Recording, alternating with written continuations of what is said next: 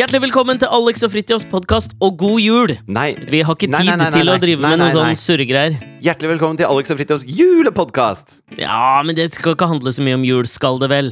Nei, men det er jo en julepodkast. Altså, den, den kommer ut på bitte lille julaften. Det er en slags lillelørdag for nissen. Det var veldig gøy. Jeg prøvde å forklare dette her til Asta. Mm. Eh, Hun har vært veldig Min tre år gamle datter. Hun, eh, For første gang så føler jeg nå Ja, men for faen! Det kan være at noen hører Ja, på oss ja, ja. for aller første gang nå, selv om jeg ser på tallene at våre lyttere er så ekstremt trofaste, og de forteller forteller ingen andre om den podkasten. Det er altså Det er eh, noen tusen hver uke, og så går det opp og ned med sånn tre til fem lyttere. Ikke mer! Det Og det stødig. elsker jeg! Det elsker jeg. Det er faen meg Det det det er stabilt. Men det er en trofasthet i det. da Vi ikke Altså vi er ikke som eh, politiske partier som plutselig Wow, nå er vi oppe i 21 og dæven, da er vi under sperregrensa. Sånn. Vi har bare vi har et godstog som bare tugga, tugga, tugga, tugga, tugga. Og det liker jeg. Ja, Nå syns jeg du ikke var spot on med din første analogi i denne julepodkasten, for jeg ville jo sagt at vi er ikke som. Så ville jeg, Hvis du skulle vært mer kontemporær, så ville det vel vært Trond Giske på en eller annen julesammenkomst for Arbeiderpartiet og AUF. Ja, vi er ikke som partistøtten til Trond Giske. Fluktuerende Ja. ut ifra alvorlighetsgraden på hans uh, mulige overtramp. Vi er mer som uh, folkets popularitetsnivå uh, Nei, hvordan folket ser på Jens Stoltenberg, eksempel. Det tror jeg er 100% jevnt de siste to-tre åra. Ja, kanskje. Kanskje. Men uansett, tilbake til um, til Asta. Eh, eh, hun, eh, hun har jo lurt hele tiden på hvor mange dager det er Det er igjen ikke til som Terje. Søviknes. som starta som liksom super Han er superkometen i Frp for 15 år siden. Mhm. Bare boom, boom, boom, boom, boom. Han var, Terje vel det, f- han, han var vel det før Torbjørn Røe Isaksen på en måte tok og bare claima ordet, så var vel Terje Søviknes din go to guy hvis du snakket om politiske broilere. Ja. Kan det stemme? Broiler stammer vel fra hvordan man øh, fødde opp kalkuner? Kan det stemme? At svære kalkuner ble kalt broilere. Det var da de som ikke hadde det så innmari godt, men som ble veldig store. Jeg ser ikke for meg liksom gåselever dytte en trakt ned i huet, men de ble, ble fora med pellets som var høye på protein, eller hva faen det er de er høye på, for at de skal være gode og smake, smake godt. Så det er en broiler, altså. Jeg tror det er en broiler. Ja, men i hvert fall eh, Ja, ok, broiler. Han var en politisk broiler. Han var ikke den derre eh, Alle Frp har jo hatt så mange gærninger. Han var liksom ikke gærningen, han var den derre eh, dyktige, gjennompolitiske ordføreren i Os kommune utafor Bergen. Sånn mm. kjempeflink, og, og steg i gradene som en eh, komet. Helt til han plutselig eh, eh, tok med seg en 16 år gammel jente, eller var det 16-17 kanskje, inn på hotellrommet sitt etter en sånn parti Hun var jo en FPU-jente. Mm. Og hadde blitt med da på en slags pub-til-pub-runde. Noe jeg også syns er rart, i og med at hun var under 18. Altså at han, ledelsen hadde liksom tatt med henne rundt og, og, og drikke i. Ja. Eh, men det er nå så. Mindre lovbrudd. Lovbrudd jeg selv har begått eh, ved å drikke før eh, fylte 18. Men eh, endte opp da sånn i halv tre-tiden eh, på hotellet, hvor han da fikk med seg henne inn på rommet eh, Mhm. og hadde sex med henne mot hennes vilje. Hvor hun kom ut eh, etter, denne, eh, etter dette overgrepet, egentlig. Eh, og så møtte da andre fra Frp i gangen, og det var tydelig at hun liksom var sånn ordentlig shaken. Eh, og hadde vært med på et eller annet som ikke var noe kult. Mm. Eh, og det ble et sånt lite skudd for baugen. Da ramla det kraftig. Men så har han faen meg bare kokkelert de siste 15 åra i sånn, litt sånn i bakgrunnen, og mer og mer og mer fram. Og nå er han olje- og energiminister. Altså, det er det motsatte av vår lytterskare. Ja, men hvis vi skal, hvis vi skal liksom gå inn i dette her, da, liksom, hvis noen ehm, Skal vi si at eh, han Altså, det å kroppsliggjøre et eller annet konsept, som Terje Søviknes gjorde med broileren, som Torbjørn Røe Isaksen kanskje tok over, så har jeg to andre eksempler her.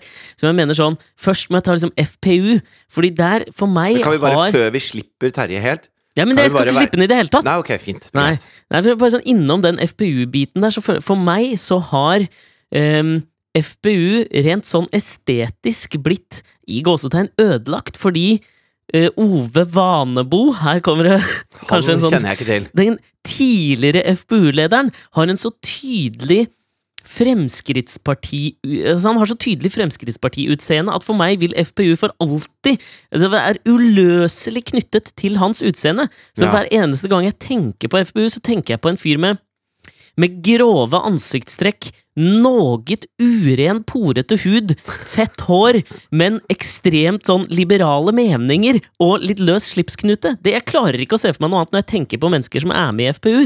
Så han kroppsliggjør det, men det Terje Søviknes kanskje kan ha, ha gjort eh, altså, kunststykket Jeg vil påstå at ikke mange har klart det.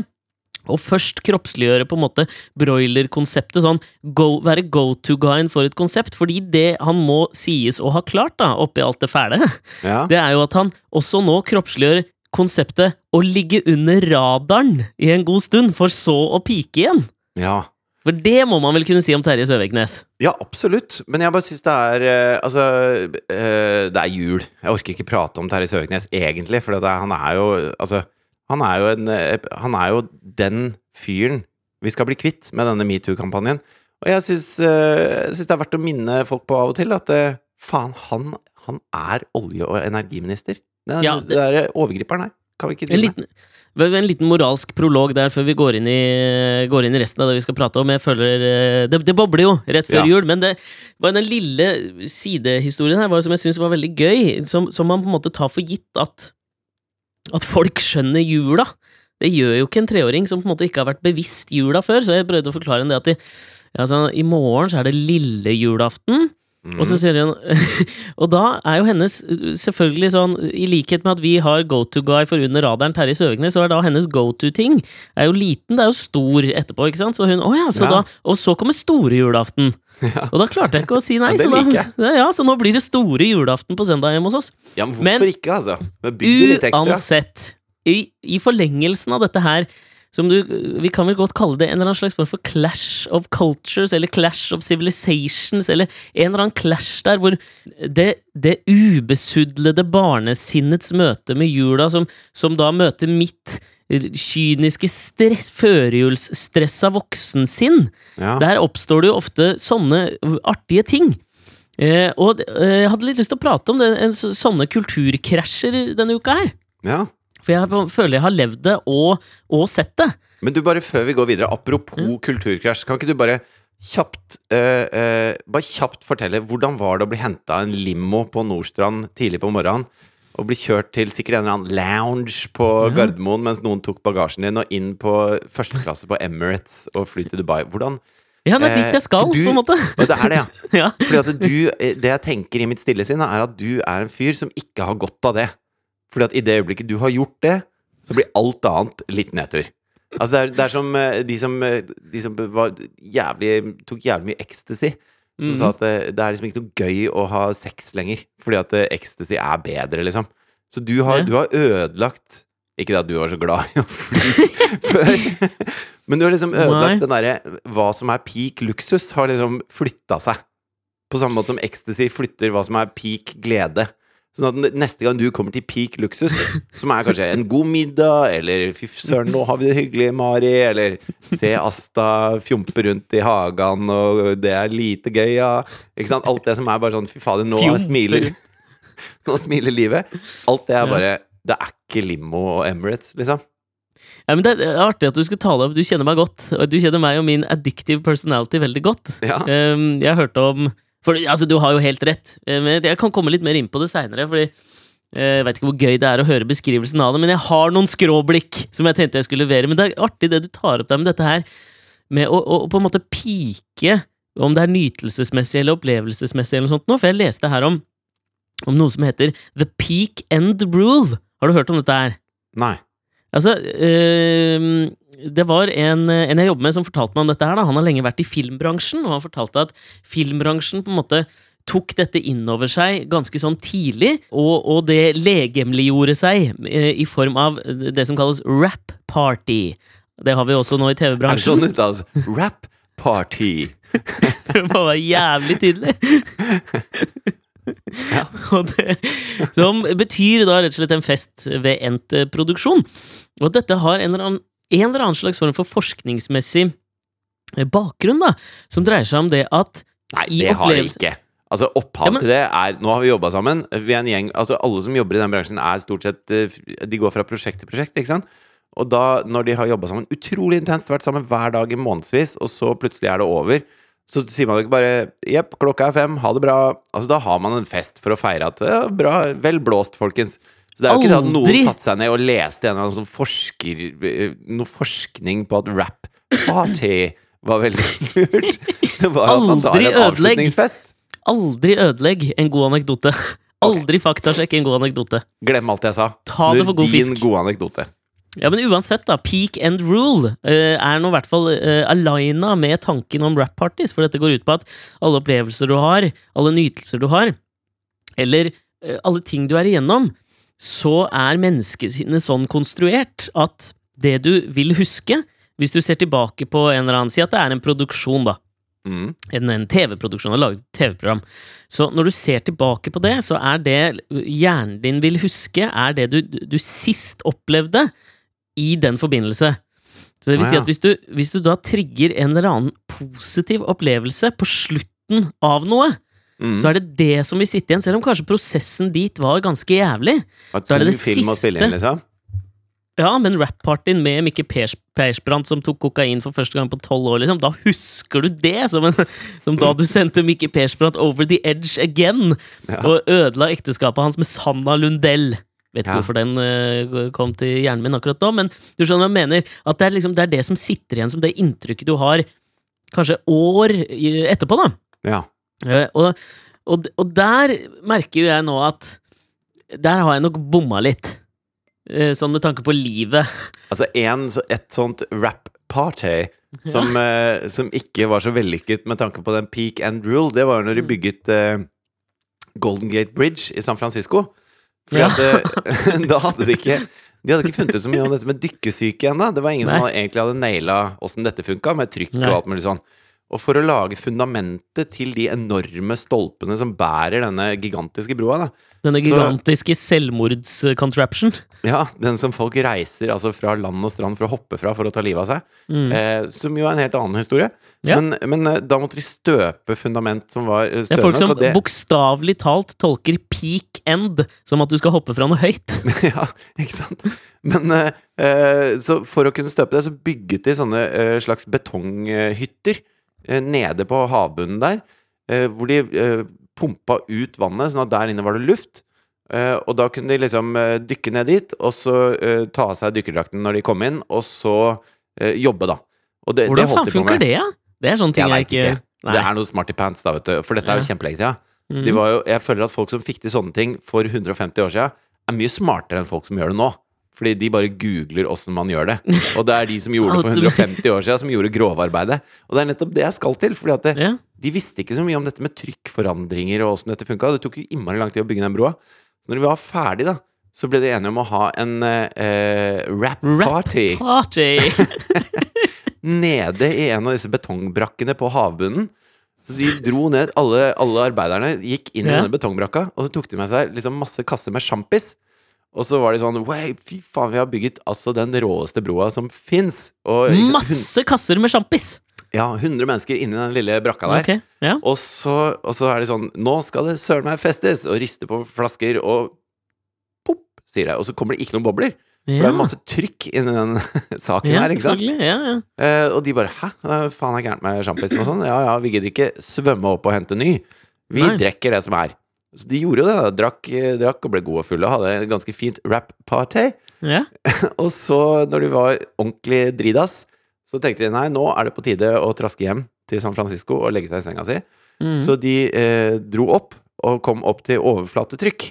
Som gjorde at all champagnen de hadde drukket, begynte spontant å boble i magen deres. ja. Eh, da fant de ut litt mer om eh, hvordan trykk fungerte, da. For da var det en av disse smartingene som sa Men det var en dårlig idé å være nede der, for da skjer dette. Eh, mis, mislykket rap-party. Det var kanskje gøy nedi brakka der, men hvis det du husker best Party. Hvis peak end performance er at Mhm. 100 mennesker ligger og spyr og driter på Golden Gate Bridge, som er helt fullstendig nybygget, Mm. så er vel ikke det det du er ute etter med en slags peak end.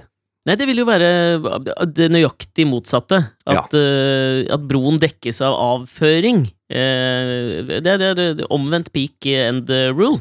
Ja, veldig. Men det er der jeg, men der jeg føler også at jeg kan kanskje på en måte sympatisere litt med den gjengen her. da At jeg, at jeg nå nok har bomma på peak and rule. Fordi du har jo helt rett, det ble jo Jeg har jo vært i Dubai siden sist, og, og du beskrev det vel ganske sånn riktig, hentet hjemme av en av en deilig, av en deilig bil. Men deilig Eh, bil eller limo? Altså, nei, var den altså- lang?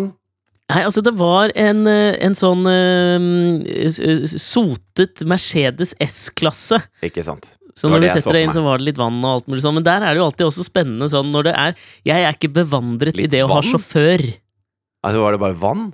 Nei, men Det sto litt sånn vann og litt sånn ting der. Det var ikke noe sjampis. Akkurat det var kanskje litt skuffa over. Ja, fordi altså eh, Når disse rapperne i, i Amerika synger om liksom hvor fett det er å sitte bak i en limo Du kan Begynn den setningen på nytt.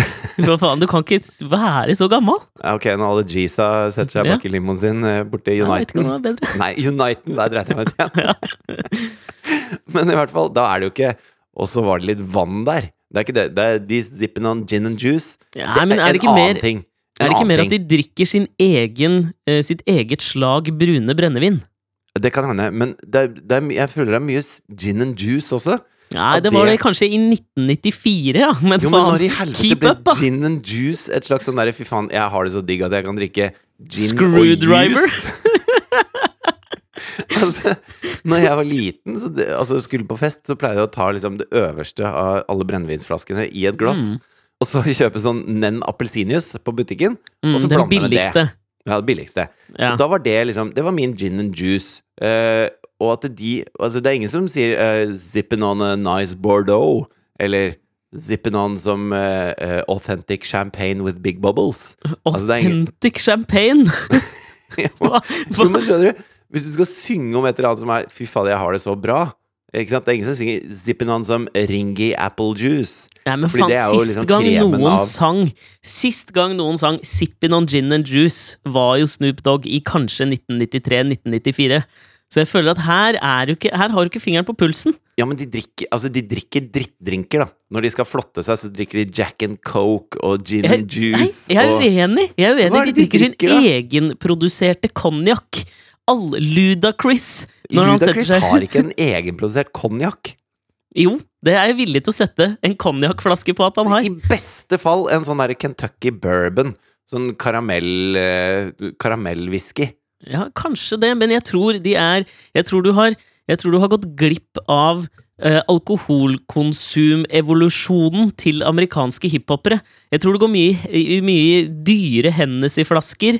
Hva er det, Og- hva er det Fiddy snakker om, da? Når han eh, sier meet me, er fortsatt ikke Men la oss si eh, meet me in the club. Hva heter rap vi- vi, vi, må, vi må ha mer kontemporære Hva er det han heter? Cardi B. Cardi B. Hva drikker Cardi, Cardi, B. B? Den første kvinnelige hiphopartisten siden type 1999 som har toppa Billboard. Ok. Uh, her kommer en, en Men er ikke det Nikki sideanekdote. Minaj? Nei, hun har ikke toppa. Har hun ikke toppa? Nei, så Cardi B toppa den nå med Bodak Yellow, kan det stemme? Jeg tror kanskje det.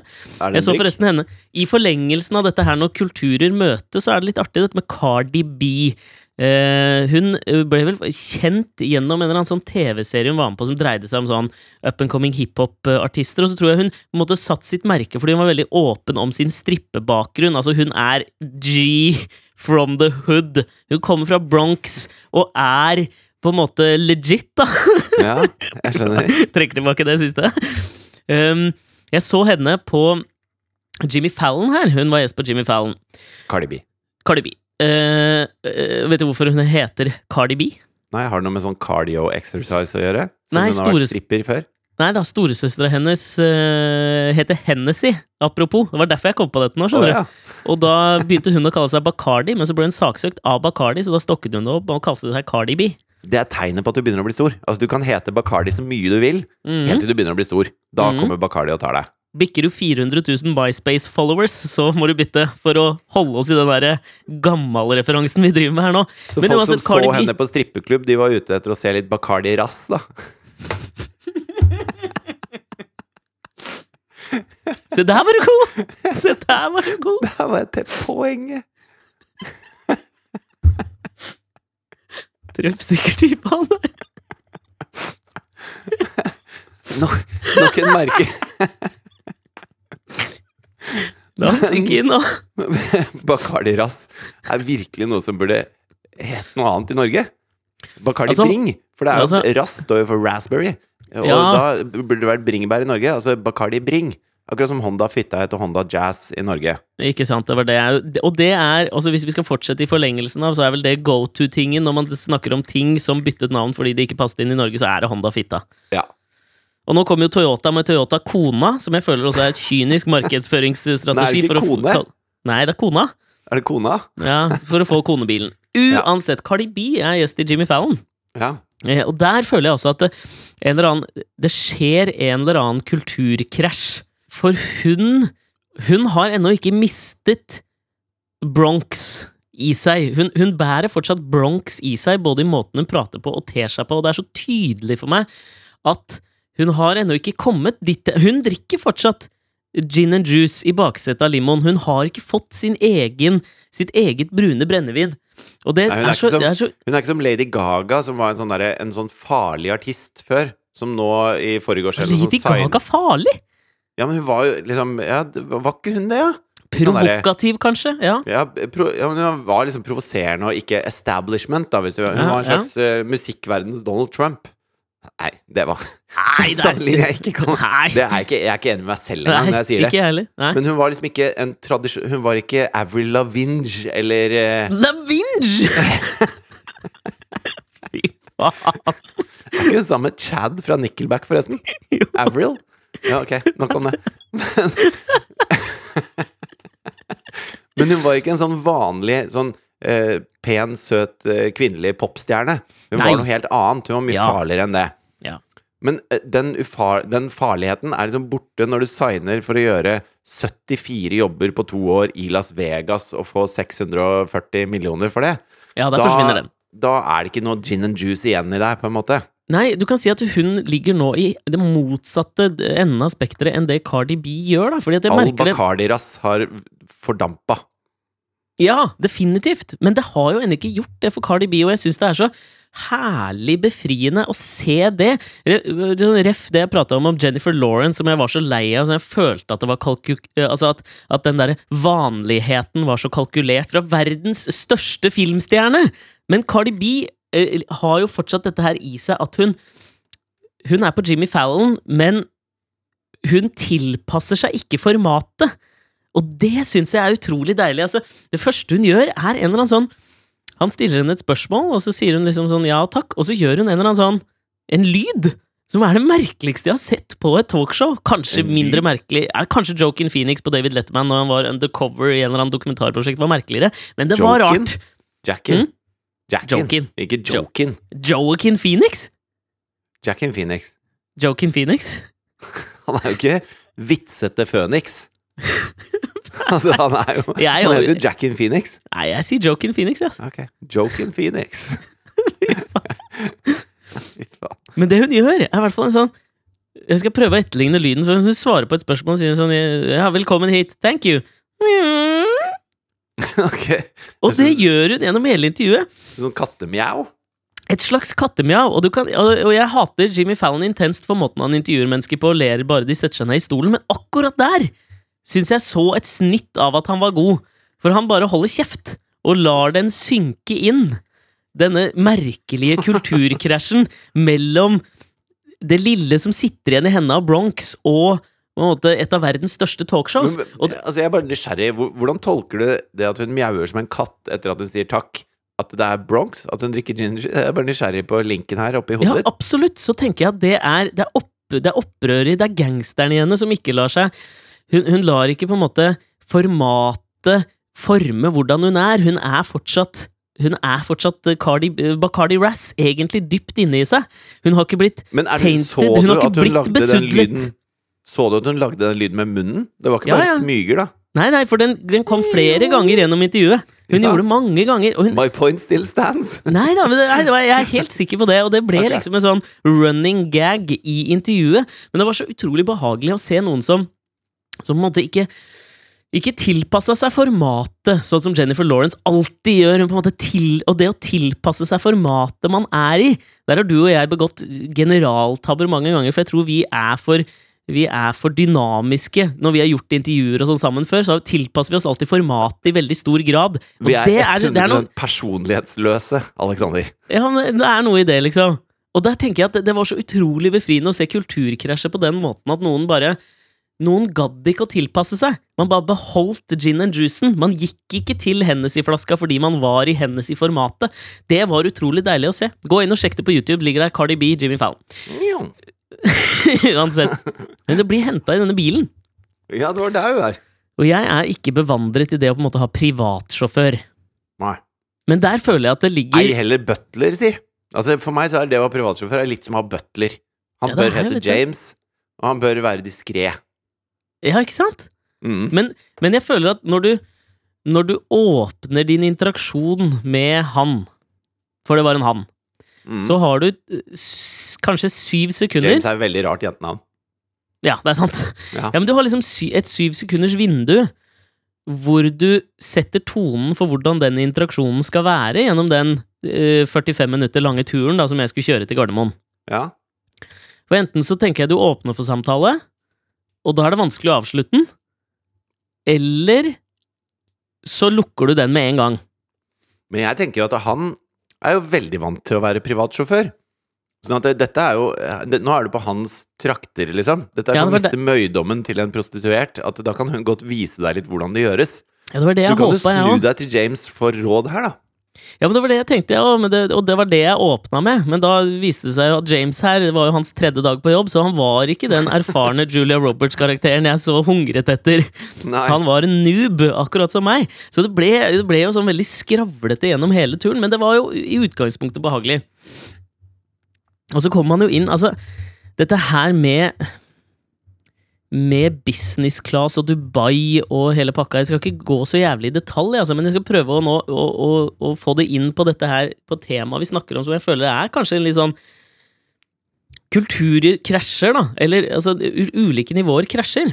Mm. For min del nå så har jeg jo pika for tidlig. For jeg, jeg, jeg merker jo nå at det, etter opplevelsen med å fly sånn, og bli behandlet sånn som jeg har blitt gjort de siste fem dagene, så kan jeg ikke Ja, jeg kan, jeg kan ikke gå tilbake. Det, det går ikke for meg. Nei. Jeg tror ikke jeg kan fly igjen. For det var så godt. Altså, det var Det, det, det, stopper seg for meg nå. Ja. Jeg, jeg har aldri blitt pampered så mye. At det, Men var det, var det sånn vill luksus i Dubai også? Ja, Var det er det, fra A til Å luksus? ja, det var jo det, da. Altså, det var det, ja. Ja, altså I Dubai ligger vel eh, verdens høyeste bygning, Burj Khalifa. Om det Ja. er et eller annet annet hus som har tatt over med noen meter. Men det er, vi snakker én Nei, det, kilometer er, det opp er fortsatt det høyeste, men i Kina nå så har de åpna verdens nest høyeste. Ja, ikke sant? Det Mm. skjønner jeg aldri hvorfor noen gidder å bygge. Nei, men de bygde jo fordi de trengte den bygningen, da. Ikke fordi de skulle, som i alt i Dubai, er bare fordi vi kan. For det må være verdens høyeste, for da er det verdens høyeste. I Kina så er det mer sånn vi trenger en bygning som er sånn, ok, da bygger vi den. Og så gidder vi ikke å mase noe særlig om det. Ja, Det er kanskje greit, og det er kanskje mer sympatisk. Det er mye mer sjarmerende. Ja, er det det, eller? Ja, for jeg merker jo der, altså Jeg var jo der nede i møter med, med, med TV-kanaler og, og produksjonsselskaper og sånt, fordi vi skal produsere en TV-serie for Dubai. Og eh, kulturene krasjer på en måte litt også, men jeg er jo personlighetsløs og ryggradsløs, og jeg flyter jo veldig mye lettere med enn det. Cardi B gjør. Jeg er på en måte i andre enden av det spekteret enn Cardi B. Men de har jo en helt annen approach til dette her med møtevirksomhet og sånn. ikke sant? Når man går i møter der nede, så etterpå så blir man tatt ut og pampra. Ja. Så, så du blir tatt ut på middag.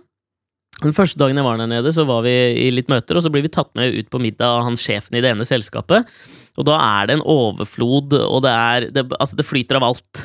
Så Alt mye flyter. gin and juice øyet kan se. Og det var ikke bare det, altså. Det var dyre konjakker og alt som hjertet og leveren kunne begjære.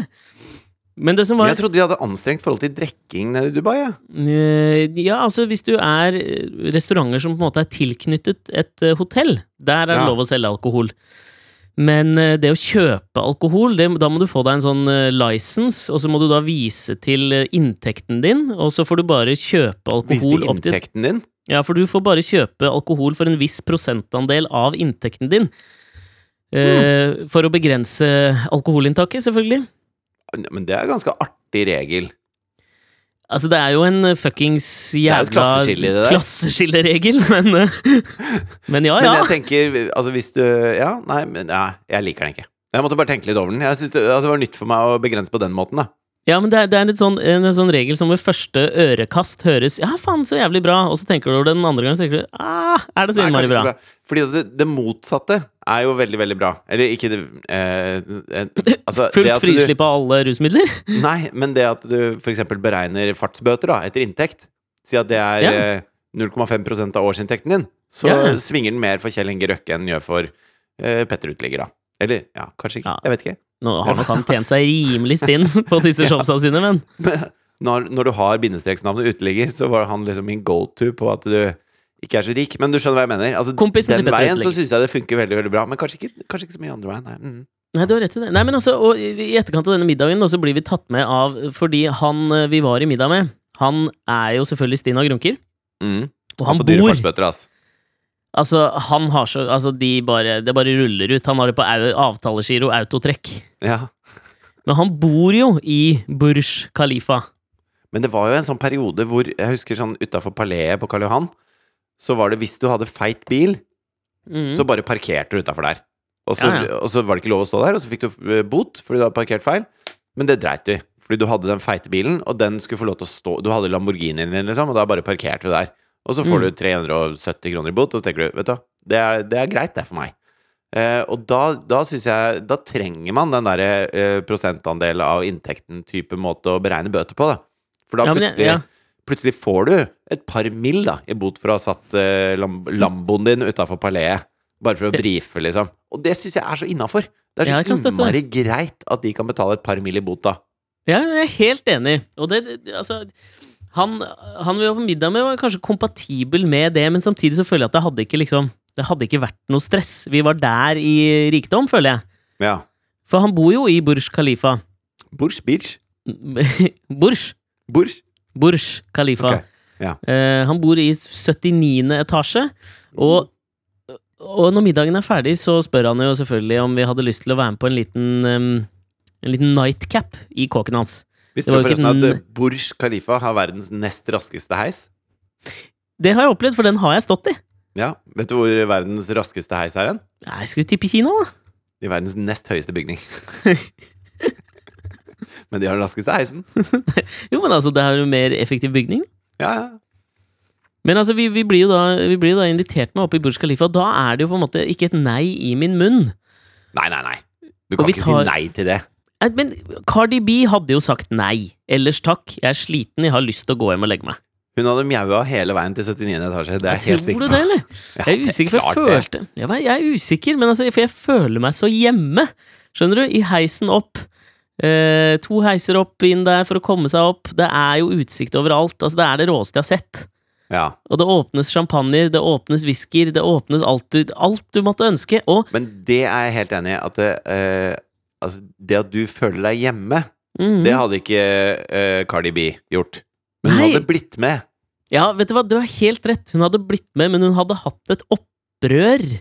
Mm. Men ja, det er der hun og jeg også skiller oss. For jeg, jeg, jeg, jeg sklir sånn med i luksusen. Jeg har liksom ingen Det er bare, det er bare det, det er nest, altså, altså, Jeg forventer det, på en eller annen måte. Jo, men altså, fordi jeg så på The Crown her om dagen. Mm. Jeg har ikke sett på den serien før, og bare hoppa inn der hvor Katrine var i The Crown, fordi at jeg tenkte så mye skjer det vel ikke. Så bare jeg kommer bare jeg liksom får med meg hvem karakterene er, så kan jeg liksom hoppe inn i det som er eh, kontroversen da, eller ikke sant. Så, så Ok, For oss som ikke har sett det, hva er det det dreier seg om? Det dreier seg jo om da eh, The Queen Mother og hennes mm. liv, på en måte. Så Elisabeth? Jeg, ja, hun som er dronning nå. Ja, Hva heter hun da? Hun Er heter vel dronninga. ja, det er altså, Elisabeth, er det ikke det? Jo. Um, så jeg, jeg kom inn sånn omtrent rundt da hun skulle bli kronet. Mm. Hvor Philip, da, som er hennes mann, han er jo ikke konge, fordi at det, eh, og det måtte jeg google, for det syntes jeg var veldig rart. Mm. Han lever jo ennå. Vet du Mm. hvorfor han ikke er konge? Nei. Fartsbøter? Fordi han parkerte Lamboen utafor paleet. Fikk prikk på rullebladet.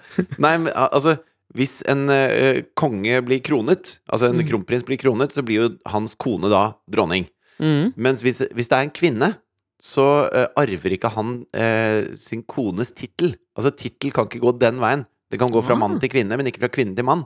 Sånn at han har jo i praksis vært konge, da. De var jo gift da hun ble kronet, så han burde jo Mm. egentlig vært konge av England. Eh, I likestillingens navn. Mm. Eh, for eh, Ja, jeg, skjønte ikke det, men i hvert fall. Det som er greia, er at de, det er en sånn scene hvor de da eh, krangler om et eller annet. Eh, altså kongen og dronninga, eller prins Philip og dronninga. ja. Eh, prins Philip av Danmark. Eh, og så Og så kommer de da inn i Hva? sine ja, Drit nå i det. Han, han er fra Danmark. ja, ja. Jeg men det Ja, det var bare kvalifisering. Ja. Eh, eh, og så kommer de inn i sine gemakker, hvor det er ett rom, og så er det da soverommet innenfor. Og i det rommet så står det to tjenere parate. Og det de skal gjøre da, er å ta av seg festantrekket og skifte til pysj. Ikke sant? Mm. Og da kommer de inn der, og mens de liksom argumenterer og, og oppfører seg 100% som de er alene, ikke sant? Mhm. Og så stiller de seg opp på hver sin side av rommet mens de fortsetter, og så helt uten å, uten å ikke engang ense at det er noen andre i rommet, og uten å stoppe ett sekund i samtalen de har gående. Så, sant, så tar de armene bakover, sånn at eh, dressjakka kommer av, og så blir de avkledd og påkledd. Mm. Eh, og gjør alle bevegelser som skal til, uten å ense den personen. Og de bevegelsene ser helt sånn automatisert ut. Sånn at for dem så fins ikke de menneskene rundt. Og jeg syns det var en jævlig fascinerende scene å se på. Eh, det er sikkert noe de har jobba ganske mye med, for det, det greiene må nesten ligge i blodet ditt for at du gjør det sånn. Så at skuespillere klarer å gjøre det, tror jeg krever mye trening. Det er som en dans, ikke sant? Det, men det er jo en Og, slags og, og det jeg tenker er når du omfavner denne, eh, denne eh, luksusen, da, Mm. så de som virkelig omfavner det, sånn som eh, dronninga av England, mm. de tar det som den, den største selvfølge. Og hvis et eller annet er off i luksusen, hvis luksusen ikke er 100% til enhver tid, mm. så blir de forbanna. Og det er jo en veldig usjarmerende ting. Er du der?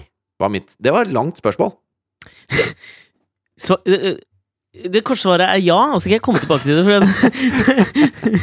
Men det er en slags metafor, det mange, mange lag i den du, saken du beskrev der nå. Da, fordi i utgangspunktet så, så kler de seg vel av mentalt for de menneskene rundt seg òg, som får et slags innblikk i, i, i, i deres innerste gemakker, da. Jo, men eh, Selv om de har den avstanden. Det er jo en, det er jo, vi snakker jo en kulturkrasj der òg. Ja, men eh, kulturkrasjen der er jo at de ser jo nesten ikke på dem som mennesker engang. De tenker Nei. at jeg kan si hva jeg vil i dette rommet, og så er det Mm. bare mannen min som hører det, og vice versa. Fordi Ja, at ikke de tjenerne, de er liksom ikke Jeg vet Altså, de, de eksisterer ikke på det planet, da. Så de vet at det som sies her, blir her. Disse menneskene trenger ikke jeg belemre meg med, jeg vet ikke hva de heter engang. De bare kler av og på meg.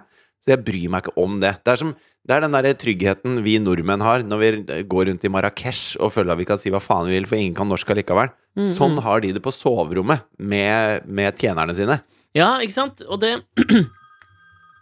Faen, det er barnehagen. Et øyeblikk. Ja. Hallo. Det er det. Det er feber, ja. Det passer jo utmerket nå som det er jul. Da kommer jeg og henter han. Ok. Hei. Alltid et godt tegn når barnehagen ringer. Ja.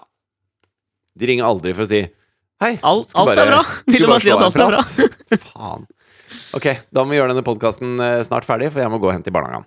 Ja, men da skal jeg være rask her, du. Eh, fordi det, det, for, å- for å komme til litt sånn poenget rundt dette her, så syns jeg det som var fascinerende oppi det jeg opplevde som, som et slags kulturkrasj som skjedde der, da, var jo at i denne eh, slags eh, transformasjonen av mitt forhold til luksus, så, så vil jeg jo påstå at på et eller annet nivå så ser jeg jo opp til det. Altså, jeg ønsker det på ett nivå, selv om jeg ikke sånn kanskje i bunnen av hjertet mitt vil ha det. Men så, det er så deilig å oppleve. Man strekker seg litt, merker at man åh, skulle ønske at jeg kanskje hadde det litt mer luksuriøst.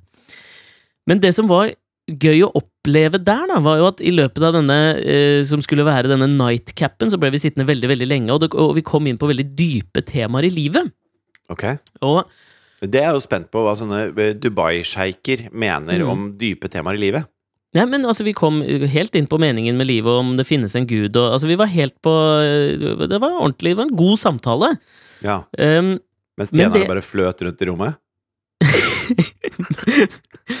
men, men, men det jeg merka altså Det jeg beit meg merke i i den samtalen, var Han var ekstremt opptatt av altså, norsk tradisjon og norsk historie. Og så tror jeg på en måte nå kan gjenkjenne uh, hvorfor, da. Fordi altså, Dubai er, en, uh, er et sted som, som ikke har noen særlig historie. Ikke sant? Mm. Som du sier, hvis de vil ha det høyeste bygget, så, så bare bygger de det. Og, og alt altså, historien deres skapes jo nå. Det er ikke så lenge siden Dubai var et ikke-sted. Det Ikke var bare ørken, og så er det bare oljepenger som har tvunget vann og skyskrapere inn der. Mm. Ja, og, og det er nok det, det er her våre kulturer krasjer. For når jeg kanskje på en måte ser litt opp til den luksusen, da, eller ønsker litt av den, så Mhm. merker jeg at det han er interessert i, og det eneste han spør om, det er altså Han stilte rett ut spørsmålet sånn Føler du deg sånn connecta med vikingene, eller? Føler du at du har liksom vikingblod i deg? Så måtte jeg jo Ja. peke på min egen kropp og si at ja, kanskje feil mann å spørre, men, men Du var han som hjalp kokka, du, i vikingtiden. Ja, han var det. Best boy. Men, men du skjønner liksom Nivået han Og hva han interesserer seg, er, interesserer seg i, er det. Og så spør han eh, Altså, det, det norske språket, har det, har det lange røtter, eller er det et gammelt språk? Altså, han var ekstremt opptatt av tradisjonene og forankringen i kulturene, kontra det stedet han opplever, og den verden han har, hvor kulturen som, som skal dannes i fellesskap, er ikke dannet ennå. Altså, folk som, det er jo ingen som kommer fra Dubai som bor der, det er bare expats, og det er folk fra overalt, og de har liksom, slik jeg forsto det på han, også ingen slags felles kulturforståelse og verdigrunnlag, som han jo ser på som den luksusen vi nordmenn har, og trakter etter og higer etter. Han, og så innmari, og det var, han la jo ikke noe skjul på det heller. Og da, det var jo en slags deilig påminnelse for meg, da, oppi all denne luksusen, så sitter jeg med liksom et gode som ikke kan kjøpes for penger, nemlig denne forankringen i vikingblodet som han hadde så lyst på. Men det, det, lag, det er en sånn dokumentarserie eh, på TV som, som handler om akkurat dette her. Eh, som heter Alt for Norge. altså, det du beskrev nå, er jo plottet i Alt for Norge, på en måte. Ja. Hva? Alt du sa Alt du sa kan legges rett oppå en hvilken som helst Alt for Norge-deltaker. Så sånn sett så er vi jo privilegerte. Kanskje det er vi som har luksusen. Kanskje det er vi som har tatt livets ecstasy og bor her. Og kanskje jeg må gå og hente i barnehagen hvert øyeblikk. Ja, kanskje du må det, men jeg tenkte kanskje at dette kunne være en, en deilig tanke å gå inn i jula med. Ja, Ja, men en våre følelse. tradisjoner. Våre Ja. tradisjoner. Ja, hentet kanskje fra Tyskland og diverse steder, men Ja, de er nå i hvert fall eldre enn Dubai. Altså, jeg føler de som integrerte i vår nasjon. Altså, det, jeg, gleder meg til å spise julegrøt, jeg gleder meg til å spise pinnekjøtt og Mm. gaver under treet på kvelden. Ikke sånn på morgenen med morgenånde og litt Nei, sånn groggy, sitte og åpne Det er jo bare noe tull.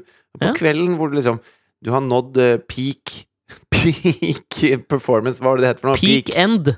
Ja, peak end, ja. Peak end er den siste gaven. En eggnog og en god klem før du legger deg. Nettopp det. Vi nordmenn har skjønt det. Vi har skjønt peak end rule.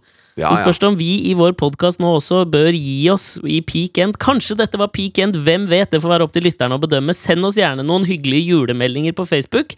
Vi Jeg skal driter i om heisene er treige og etasjene er få, så lenge jeg får mandelen i julegrøten. Det er helt riktig. Og så kommer vi vel med en podkast i romjula. Det skal vi få til. Oh yes. Før det nye året kommer. Vi får, vi får garantere en 2017sk peak end i den podkasten, da, med artige betraktninger, anekdoter og skråblikk på livet og vår kultur og tradisjon. Hæ?! Kunne ikke sagt det bedre sjøl. Lykke til i barnehagen da, kamerat, og god jul! Takk skal du ha. God jul. Ha det. Ha det!